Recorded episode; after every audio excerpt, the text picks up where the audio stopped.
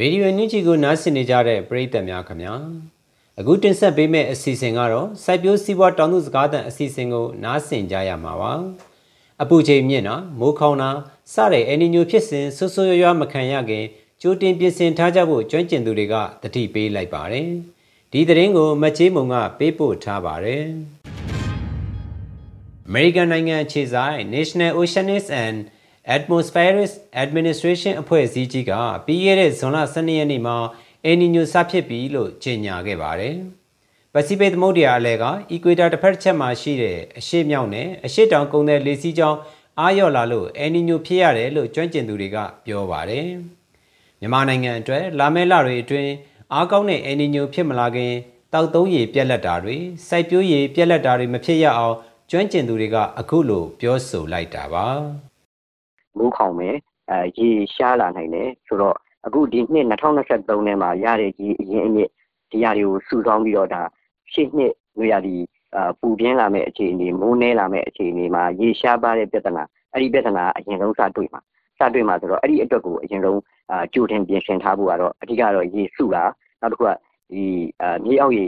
တူးတာစသဖြင့်ပေါ့နော်ရေစုဆောင်းဖို့အတွက်ကို နီးလန်းနေရှာပြီးတော့ဒါတွေကတော့လုတ်ပြင်ဒီအချိန်မှာစပြီးတော့လုတ်ထားလို့ရှိရင်မိုးရင်းလည်းဖြစ်မှာပေါ့နော်အဲမိုးရင်းလည်းဖြစ်မယ်အဲမိုးအကုန်ဆောင်းအခုလောက်မှာစပြီးတော့ရှစ်နှစ်2024အတွက်ရေအရင်အမြစ်ကိုခုရဲကရှာပြီးတော့ဒါရေရှားပါမဲ့ပြဿနာအတွက်ကိုကြိုတင်ပြီးတော့အာပြင်ဆင်ထားတင်ပြီဒါကတော့အရင်ဆုံးအချက်အချက်ပေါ့အဲဒုတိယတစ်ချက်ကအဲကျွန်တော်တို့စီမှာဒီအဓိကတော့ဒီမြေလက်ဒေတာပေါ့မြေလက်ဒေတာတွေမှာဒီတစ်ပင်နေသွားတာတစ်ပင်တွေနေသွားတဲ့အတွက်လေလူဆိုထိုင်းကကျသွားတယ် လေလူဆိုထိုင်းကကျသွားတဲ့အတွက်တိမ်တွေဖြစ်လာရင်တော့မှကျွန်တော်တို့မိုးကမရွာနိုင်ဘူးမရွာနိုင်ပဲဖြစ်တယ်လူတိမ်တွေဖြစ်လာတဲ့မိုးတွေအုံလာတယ်မိုးမရွာဘူးအပူချိန်ကမြင့်နေတယ်ဒီတိမ်တွေရဲ့ငွေ့ဖွဲ့အမှတ်ပေါ့နော်ဂျူးပွိုင်းကကျတော့သူကတအားကြီးကွာဟနေတယ်ကွာဟနေတဲ့အတွက်အခုဒီအလဲပိုင်းဒေသတွေမှာမိုးရွာတဲ့နှုန်းကအများဆုံးတော့မှ3.3.4လက်မလောက်ပဲဒါရွာနိုင်တဲ့အနေအထားမျိုးတွေဖြစ်နေတာရှိတယ်အဲရှင်းရှင်းမှာဒီတဲ့ပူဆိုးလို့အာမိုးရေရတာပို့ပြီးနဲရင်အဲကျွန်တော်တို့အာရေပြက်လက်တဲ့ပြဿနာ အဲ့ဒီပြဿနာကတော့ဒါမုတ်ချဒါကြုံကြရမယ်လို့ကျွန်တော်မြင်တယ်အဲ့တော့ခုနပြောတဲ့ရေအင်းမြစ်ဒီရေပြဿနာအတွက်ကြိုတင်ပြင်ဆင်တာပထမတစ်ခုလောက်ပါလုပ်ဖို့ရှိတယ်နောက်တစ်ခုကတစ်ပင်တွေနဲသွားတဲ့နေရာမှာတစ်ပင်တွေစိုက်ဖို့ပေါ့နော်တစ်ပင်တွေစိုက်ဖို့ဆိုတာဒီနှစ်ကျွန်တော်တို့လုပ်နိုင်တာဒါပဲရှိတယ်ကဥရုယာတိတန်ခံနိုင်မှုအတွက်တစ်ပင်တွေကအခြေခံကျတဲ့ရင်းမြစ်တွေဖြစ်ပေမဲ့မြန်မာနိုင်ငံမှာတော့တစ်တော်တွေရှိခဲ့သလောက်စနစ်တကျမထိမ့်သိမ်းနိုင်ခဲ့သလိုပြန်လည်စိုက်ပျိုးနိုင်တာလည်းနှဲပါခဲ့ပါတယ်။ ဒါအပြင်နှစ်စဉ်မိုးရာသီရောက်တိုင်းတစ်ပင်စိုက်ပွဲတော်တွေကိုကျင်းပခဲ့ကြပေမယ့်အပင်ပြုစုထိမ့်သိမ်းနိုင်တဲ့အခြေအနေမရှိတာကြောင့်စိုက်ပျိုးသလောက်ရှင်သန်ဖြစ်ထွန်းနိုင်စွမ်းမရှိခဲ့ပါဘူး။ဒါကြောင့်ပူပြင်း၆သွေးတဲ့ဒဏ်ကိုဆွဆွရွရွခံစားလာရပြီးတဲ့နောက်မှာတော့အများအတွက်တစ်ပင်စိုက်ပျိုးသူတွေပေါ်ထွက်လာခဲ့ပြီးအဲ့ဒီလိုစိုက်ပျိုးနေတဲ့အခြေအနေကိုပရာဟိတတစ်ပင်စိုက်ပျိုးသူတူကအခုလိုပြောပါတယ်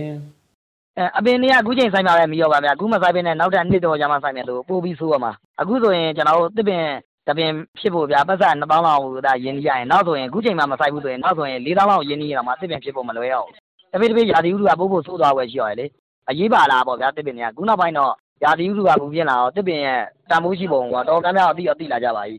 အခုနှစ်ဧပြီလအတွင်းမှာ6နဲ့ညောင်ဦးမြို့ကကဘာပူဆုံးမြို့စင်းမှာပါဝင်ခဲ့ပြီးညောင်မြို့ရဲ့တစ်ဖက်ကမ်းပခုတ်ကူမြို့မှာတော့အပူချိန်မြင့်မားလာတဲ့အတွက်စိုက်ပျိုးရေးလုပ်ငန်းတွေကိုထိခိုက်လာနိုင်တယ်လို့ဆိုပါတယ်။ အေယာဝတီမြေနုကျွန်းပေါ်မှာပဲမြို့စုံဖူးစားပြောင်းတဲ့ပန်းတွေစိုက်ပျိုးသူတောင်သူတို့ကတော့အပူချိန်မြင့်မားလာတဲ့နောက်ဆက်တွဲအခြေအနေတွေကိုအခုလိုပြောပါတယ်။ခုလောဆယ်ရေရေငက်တယ်ရေငတ်တဲ့အတွက်ဒီတစ်ပင်တွေမှာအစာဟာရရောရေရောငတ်တဲ့အတွက်ထွန်းကားမှုမရှိတော့ဘူးနောက်ပြီးတော့ပိုးမွားလေးတွေကဟိုရင်ပြူဆိုတဲ့ပိုးမွားလေးတွေကလည်းပဲလာပြီးတော့ဒီတစ်ပင်လေးတွေကိုဆွဲဆုပ်လိုက်တဲ့အတွက် ဟိုအစီအခွင့်ရော့တဲ့အတွက်ဒီတစ်ပင်ကဖြစ်ချင်တိုင်းမဖြစ်တော့ဘူးကျွန်တော်တို့ကအဲ့ရေဆိုတာလည်းပဲအရင်တော့ကတနာကြီးမောင်းရတဲ့အေးကြီးရာအခုနှစ်နာရီလောက်မောင်းရတယ်ရေလေးကဝေးသွားဝေးသွားတဲ့အတွက်ကျွန်တော်တို့မှာတော်တော်လေးဟိုစီရရေတော့တကားလန်ကုန်ရင်ခုကနှစ်ကားလန်ကုန်သွားတော့ယောဂဗျာလည်းပဲအဲ့ဒီမွားကောင်လေးတွေဆွဲဆွဲဆုပ်တော့ကြဒီဟာလေးတွေအပင်လေးတွေက လုံလုံလုံလုံသွားတာအဲ့ရလည်းပဲဘယ်လိုလုပ်လိုက်ရအောင်ဆိုဆေးတွေလိုက်ပါများတော့လည်းပဲဆေးတွေကပြင်းနေတော့အပင်ကဓာတ်မခံနိုင်မြန်အပင်ဓာတ်မခံနိုင်တဲ့အတွက်အတောင်သူတွေမှာတော့ဘယ်လိုပြောရမလဲဆိုတော့